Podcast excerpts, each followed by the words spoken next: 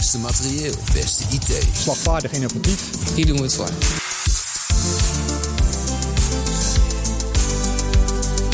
Streef naar het beste. Dat het veilig is en dat dat eh, betrouwbaar is. Militairen moeten onder alle omstandigheden kunnen vertrouwen op het materieel en de IT waar ze mee werken. Het commando materieel en IT van het ministerie van Defensie zorgt daarvoor.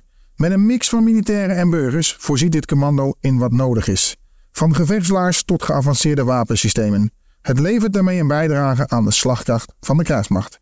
Mijn naam is Ronald Vossenstein, recruitmentadviseur en je luistert naar de vacature podcast van het Commando Materieel en IT. In deze podcast praten we bij over de vetste banen binnen ons commando.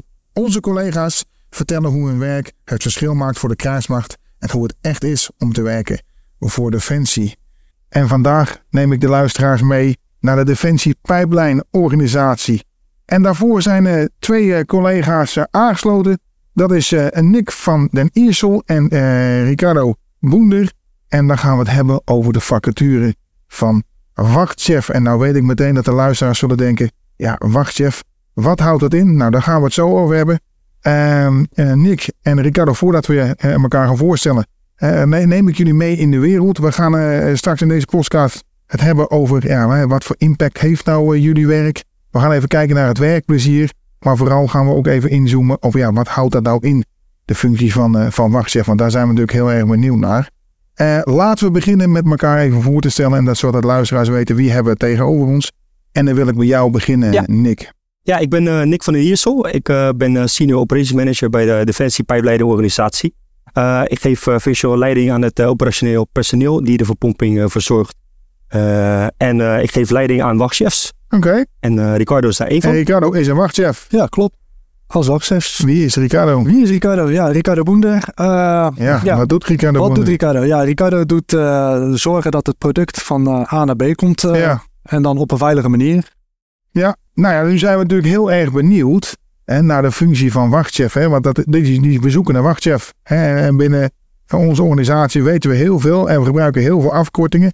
Maar een wachtchef, wat doet een wachtchef? Neem ons eens mee in de wereld van jouw functie, eh, Ricardo. Wat nou, doet ja, een wachtchef? Wat doet een wachtchef? Ja. ja wij zijn eigenlijk uh, hoofdverantwoordelijke voor het uh, verzorgen van de productstroom. Ons uh, product kerosine. En dan van A naar B. En dat is eigenlijk vanaf de Maasvlakte ja, naar een Schiphol, naar een Belgische collega of naar Duitse collega's. En de wachtchef is, uh, heeft de taak daarin om het uh, product netjes op hoeveelheid te controleren, op admin, ja, administratieve redenen. Ja. En op productkwaliteit. Ja. Dus okay. of het product daadwerkelijk goed ja, is. En dat doe je binnen de afdeling van DPO, hè, binnen de ja. afdeling operatie, als ik dat goed zeg, klopt. operations. Ja. En daar ben jij verantwoordelijk voor, uh, Nick. Klopt, hoe klopt. Ziet jou, uh, hoe ziet dat eruit? Hoe ziet jouw afdeling eruit? Neem ons eens mee ja, in, jouw, in jouw wereld. Nou, in, uh, in mijn afdeling uh, operatie ehm, hebben we eigenlijk op vier verschillende depots hebben we, personeel zitten. Om de verpompingen vanaf de storagebedrijven, raffinaderijen tot aan de militaire en civiele luchtvelden te begeleiden. Uh, orde grootte kijken we ongeveer tussen de 100 en 120 man. Uh, functioneel binnen operations uh, zijn er 33 man die zich 24-7, 7 dagen in de week, 24 uur per dag bezighouden met de verpompingen. wij hebben een internationaal speelveld. Omdat we, zoals Ricardo aanhaakte, we hebben verpompingen die ook over de grens gaan. Dus binnen het Central Europe Pipeline System, waar wij als DPO onderdeel uitmaken, verzorgen we de pompingen van, van Nederland door Europa heen. Mm -hmm. Dus dat geeft ons ook wel uh, wat meer uh, uh, flexibiliteit, omdat wij een, een, organisatie zijn die functioneel worden aangestuurd door de NAVO. Yeah. Geven, hebben wij gewoon wat meer flexibiliteit ten opzichte van andere krijgsmachtonderdelen. Dus het is een heel divers team, verspreid over verschillende locaties. en het is ook gewoon goed om te zien dat ja, luchtvelden hebben nou maar eenmaal kerosine nodig. En daar zorgen wij als DPO echt iets tastbaars voor. Yeah. En waar, waar komt die naam wachtchef dan vandaan? Wat, wat doet er een wachtchef? Hoe zit jou, als jij ochtends wakker wordt, Ricardo, je wordt wakker, jij gaat naar Portugal toe, ja, hè, daar, Portugal. en dan, wat, wat, hoe ziet jouw dag eruit? Hoe ziet mijn dag eruit? Nou ja, je komt netjes binnen. Nou ja, de eerste verpomping eigenlijk die wij starten, dat is de koffieverpomping. Want ja, zonder koffie geen opstart. En uh, nou ja, wij hebben netjes uh, op A4'tjes uh, een planning staan van hoe de dag zou moeten lopen. We hebben een mooi planningsbureau boven ons zitten die netjes van A tot en met B kijkt van waar het product naartoe moet. En dat product bedoel je dan kerosine ja. die van A naar B moet? Ja, de kerosine, een, een raffinaderij biedt laat zeggen, een contract aan en een Schiphol neemt dat contract aan om die hoeveelheid af te nemen. Ja. En een planning ja, staat er eigenlijk voor om dat netjes achter elkaar te schuiven zodat wij die 24-7 continu kunnen pompen. Dus ik ga die planning eigenlijk bekijken. En uh, daarmee kan ik ongeveer mijn dag inschatten van nou, zo gaat het ongeveer lopen. En, en, en, en hoe, ziet, hoe ziet dat er dan uit? Ik, ik zie jou zitten. Ik zie ja. jou zitten en waar, ja, die pijpleidingen lopen, lopen natuurlijk door heel Nederland heen. Zeker. En waar kijken we tegenaan? Is dat een, een, een toetsenbord of is het een monitor? Zijn dat meerdere monitoren? Ja, het is een, een, een, toetsenbord sowieso voor de, ja, de standen in te geven, de controls. En ja, een een zevental beeldschermen waar wij, uh, laat zeggen, over heel Nederland uh, ieder stukje kunnen bedienen. Oké. Okay. En dat is eigenlijk uh, mijn speelveld. Het ja, in controle houden van, van de flow en de hoeveelheden. Ja. En het aansturen van de rest van mijn team. En gaat het altijd goed? Nee, helaas niet. ieder, okay. ieder mankement of ieder technisch onderdeel ja, heeft wel eens onderhoud nodig. Dus ja, het kan wel eens zijn dat er een verstoring komt. En, en, wat, dus en, en, wat, wat doe je dan als er een verstoring komt? Hoe moet ik uh, Krijg je een melding? En of ja, we krijgen netjes meldingen dat er een, een druk te hoog wordt, een flow te laag of te hoog. En uh, daarop moeten wij anticiperen. Dus okay. uh, wij hebben bijvoorbeeld dan op de planning staan dat wij naar Schiphol lopen. Nou, het kan zijn dat Schiphol onverwachts dichtloopt door een storing, noem het een brand of een andere calamiteit. En dan is het aan mij eigenlijk om die verpomping netjes af te stoppen. Of tussentijds nog te kijken of ik een andere route kan bepalen. Zodat het toch blijft okay. stromen. En is het dag en nacht dat er daar een wachtchef uh, zitten, zitten, in die locatie zit? Ja, dus we hebben een tweetal uh, ja, vacatures eigenlijk. Uh, we hebben een vol continu wachtchef. Die houdt zich bezig 24 uur, 7 dagen per week. En we hebben ook een, een dat is denk ik wel een uitzondering. We hebben een, een, een flexpool wachtchef. die werkt in dagdienst, maar die heeft een invalrooster. Dus in het geval van een uh, calamiteit, maar ook in het geval van bijvoorbeeld ziekteverzuim of uh, verlofaanvragen die binnen de operatie worden uh, goedgekeurd, hebben we altijd een afdeling waar we op terug kunnen vallen om zeg maar, die bedrijfscontinuïteit te bewaken. Ja, en nou Nick, nou hebben we elkaar net al even gesproken. Nou weet ik dat jij pas sinds 1 november werkzaam bent. Klopt, ja. En, en hoe is het om in de wereld van Defensie te mogen en te kunnen werken? Ja, nee, vol trots heb ik het gevoel dat ik mag deel bijdragen aan, uh, aan, uh, aan, aan, veiligheid uh, op nationaal niveau. dat zie ik ook terug in mijn werk. Daarnaast is de brug die ik heb genomen, is vanaf mijn vorige werkgever, was ook een chemische speler. Grote chemische speler, dus ik was ook wel um, ervaren in, in controlewerk, controlekamerwerkzaamheden. Maar om nu echt ook tastbaar te kunnen bijdragen aan bijvoorbeeld vliegverkeer. En te zorgen dat bijvoorbeeld onze krijgsmacht genoeg brandstof krijgt uh, door heel Europa heen, ja, dat, daar, daar krijg ik wel heel veel energie van. Dus in mijn eerste maanden heb ik uh, gewoon een inwerktraject doorlopen. Dus ik heb kennis gemaakt met, met heel team. Nou, het is een groot team. Ik heb ongeveer 33 aanspreekpunten, om het maar zo te zeggen. Dus er zijn behoorlijk wat belangen die ik moet behartigen. dus dat vond ik gewoon heel leuk om in ieder geval gewoon structureel iedereen eerst te leren kennen. Uh, en, uh, en op alle locaties langs te gaan. Nou, we hebben locaties in uh, Portugal, locaties in, in Klappek, locatie in Markelo en in, in Dijnum in Leeuwarden. maar we hebben ook wat tussenstations. Dus we hebben ook, zoals Ricardo aangeeft, behoeft het leidingnetwerk ook onderhoud. Dus daar, daar organiseren wij ook bijvoorbeeld onderhoudswerkzaamheden op bepaalde leidingtrajecten. Okay. En ik heb in uh, korte tijd twee mogen meemaken. Ja. Ja, en dat is wel heel fijn om te zien dat het een, een, een platte organisatie is. Dus je kan eigenlijk bij iedereen gewoon binnenlopen en, en even een vraag stellen. je kan met iemand een koffie drinken. Maar je kan bijvoorbeeld ook buiten werktijd een biertje met iemand drinken. Dus er is echt wel een hele fijne werksfeer. En dat is ook een van de redenen waarom ik heb besloten om voor Defensie te gaan werken. Oké, nou ik denk dat het een, een hele mooie intro is Zeker ook naar het volgende punt. Want laten we eens even kijken. Want eh, wat voor impact heeft jullie werk nu? Hè? Wat, wat, ja, wat nou als er een wachtchef niet meer zou zijn? Of jullie zouden je werk niet meer doen? Wat voor effect heeft dat? Zowel maatschappelijk misschien wel effect als bedrijfsmatig. Dus laten we daar eens naar kijken. Ja, en zoals al gezegd, hè, jullie doen belangrijk werk. Maar hoe belangrijk is dat nou eigenlijk? Hè? Hebben wij een goed beeld van wat, wat jullie nou doen? Want wat nou, eh, Ricardo, als jij 's ochtends opstaat en je denkt, nou, ik ga niet naar mijn werk. Wat voor effect gaat het hebben? Wie gaat daar wat van merken? Ja, nou ja, eh, ik hoop in eerste instantie eh, dat niemand er iets van merkt. Omdat wij een, eh, een redelijk goed vangnet gecreëerd hebben. Ja, Maar als wij daadwerkelijk niet meer zouden verpompen, ik denk dat wij heel snel in het nieuws zullen gaan zien dat of Schiphol of andere velden of basissen geen kerosine meer hebben. oké. En dat er geen vliegbewegingen meer zijn. En dat, ja, dat strekt zich gewoon tot, tot de Benelux. Dus een, een Duitsland, een, een Frankrijk, een België zal daar gewoon last van krijgen. En, en, en merk, eh, los van eh, dat de vliegvelden, is het ook binnen het, eh, ons militair domein? Gaan die er ook wat van merken, Zeker. Nico? En wat merken die dan? Ja, nou, we hebben bijvoorbeeld op vliegbasis eh, Leeuwarden en op, eh, op Volkel en Geelserijen eh zijn er natuurlijk behoorlijk wat oefeningen. Eh, we willen als, eh, als eh, krijgsmacht willen we natuurlijk voorbereid zijn voor het ergste situatie. Eh, daarvoor moeten we onze F-16's en F-35's allemaal eh, bevoorraden met kerosine. Ja, die opslag eh, en de transport van die kerosine naar de, de militaire luchtvelden, ja, dat, dat doet. Ja. Dus als we geen wachtchef hebben, of wachtchefs meervoud, ja, dan, dan kunnen de, de, de straaljagers niet meer vliegen. Oké. Ja, met alle gevolgen van die. Ja. En, en merk je nu dat er meer, hè, met alle onregelmatigheden die nu in de wereld plaatsvinden, hè, dus de oorlog in Oekraïne, merken jullie iets in jullie werk nu? Ja, enerzijds niet. Blijft het eh, redelijk bij ons op de achtergrond spelen. Ja, aan de andere kant zie je wel dat de, de militaire afname wel groter is geworden. Want er wordt toch stiekem eh, ja, meer geoefend. Eh, ja, dus ja, verbruikt meer eh, brandstof. En Eh, ik, ja. ja, wat je zeggen, Nick? Ja, en je, je ziet ook zomaar eh, binnen Defensie, eh, binnen de krijgsmacht, dat DPO ook eh, steeds vaker wordt gevraagd om aan te schuiven aan bepaalde vergaderingen.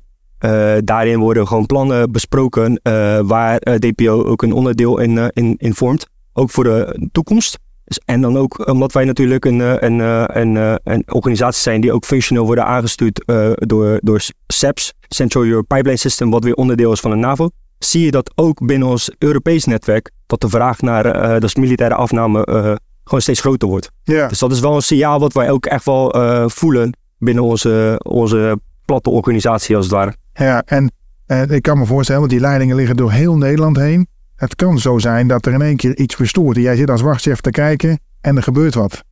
Eh, Ja. wat, eh, wat ga je doen? Wat, wat, wat, wat, ga, wat, gaat, wat ga je doen als wachtchef? Ja, eh, eerst controleren. Dus eh, je gaat zorg dragen dat, eh, dat het in ieder geval zo veilig mogelijk of gestopt of omgeleid wordt. En eh, daar, eh, daarop ga ik opschalen. Dus ik heb een aantal eh, pipeline opzichters die ik daarvoor kan inschakelen. Die kunnen daadwerkelijk ter plaatse gaan kijken eh, nou, wat de situatie is. Nou ja, en wij hebben een aantal specialisten, zowel elektrisch als in werktuigbouw, die dat werk ook zouden kunnen doen. Dus ja, je gaat eh, laten zeggen, opschalen. Je gaat zoeken naar de oorzaak. En je gaat proberen de oorzaak zo snel mogelijk op te lossen op zo veilig mogelijke manier. Ja. Zeker.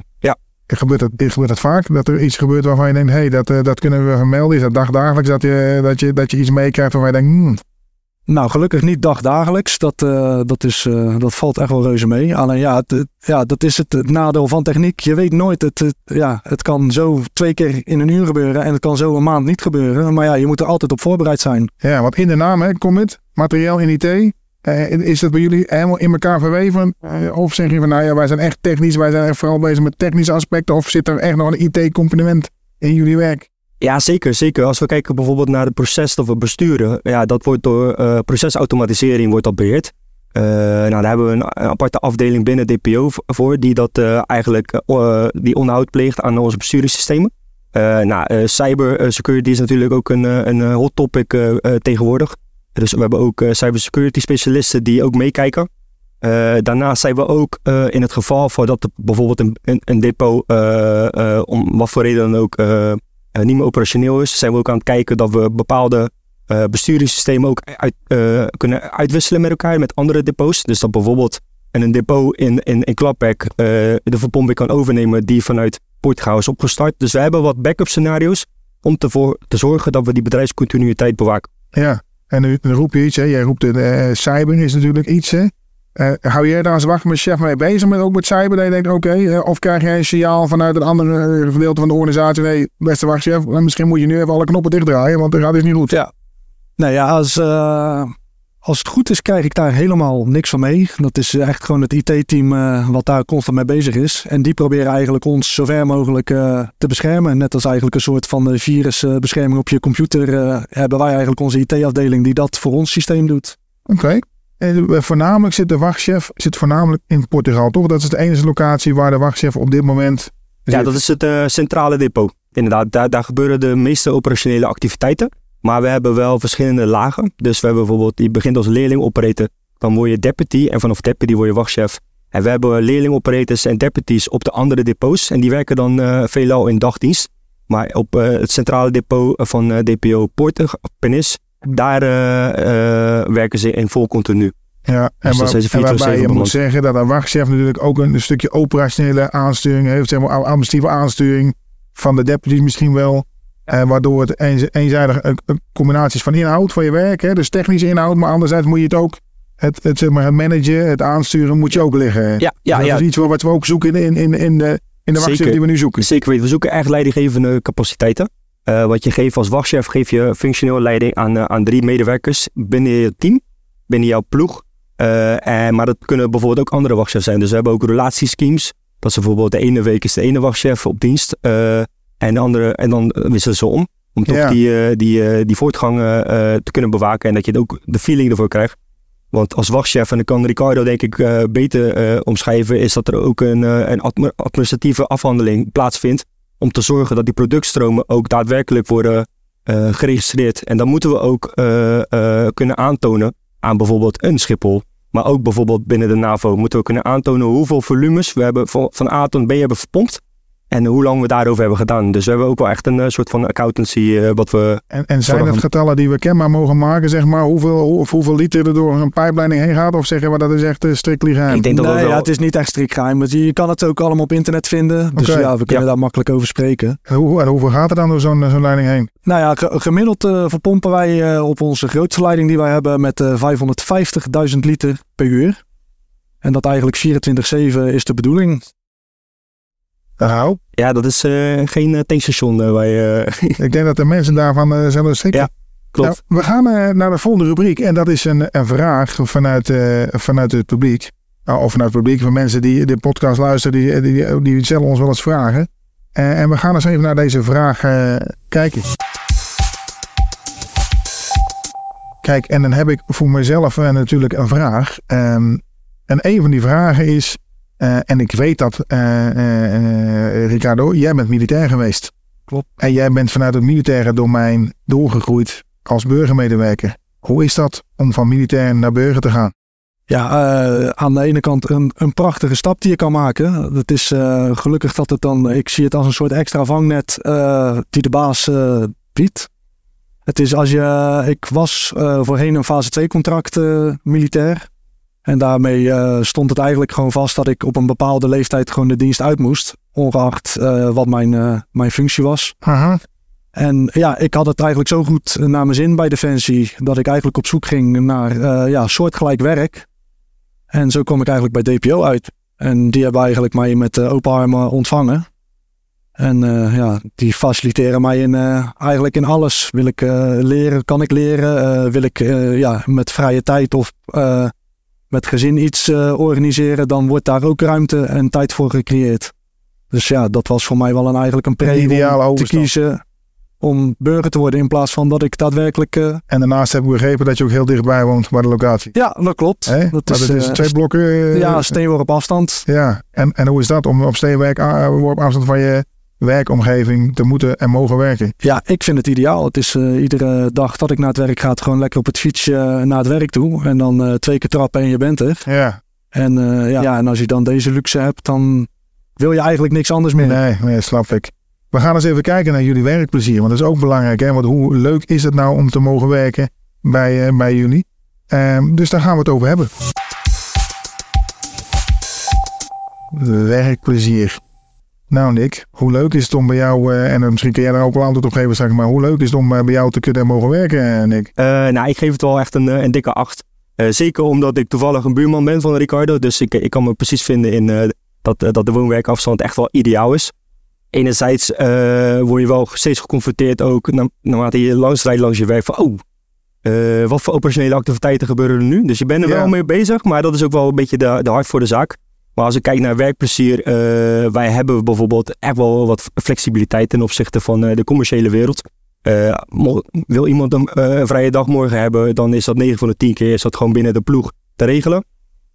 Daarnaast zijn er ook, zoals Ricardo aangeeft, eh, behoorlijk wat doorgroeimogelijkheden en, en leermogelijkheden.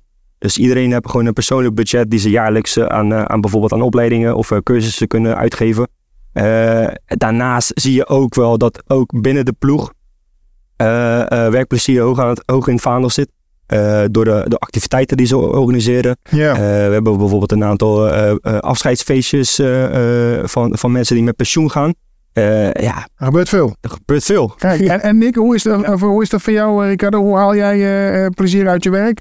Nou ja, eh, enerzijds eh, het team. En eh, eigenlijk, eh, als je DPO met één woord mag eh, omvangen, is het eigenlijk één grote familie. Het, is, ja. het klinkt heel, heel cliché, maar het is, ja, het is hartstikke mooi. Het is, iedereen eh, let een beetje op elkaar. Iedereen heeft ook voor elkaar. Iedereen zet zich in voor elkaar. Gaat het even niet lekker of loopt men ergens tegenaan, dan wil iedereen eigenlijk gelijk meehelpen. Ja, en nou, zit Ja. je, nou zitten jullie allebei hè, op een verjaardag. En dan kan ik me voorstellen, dan gaat iemand vragen waar werk je? En dan zeg je, nou, ik werk eh, bij Defensie en ik werk in Portugal. Eh, en wat is dan het meest gave verhaal wat je dan gaat vertellen?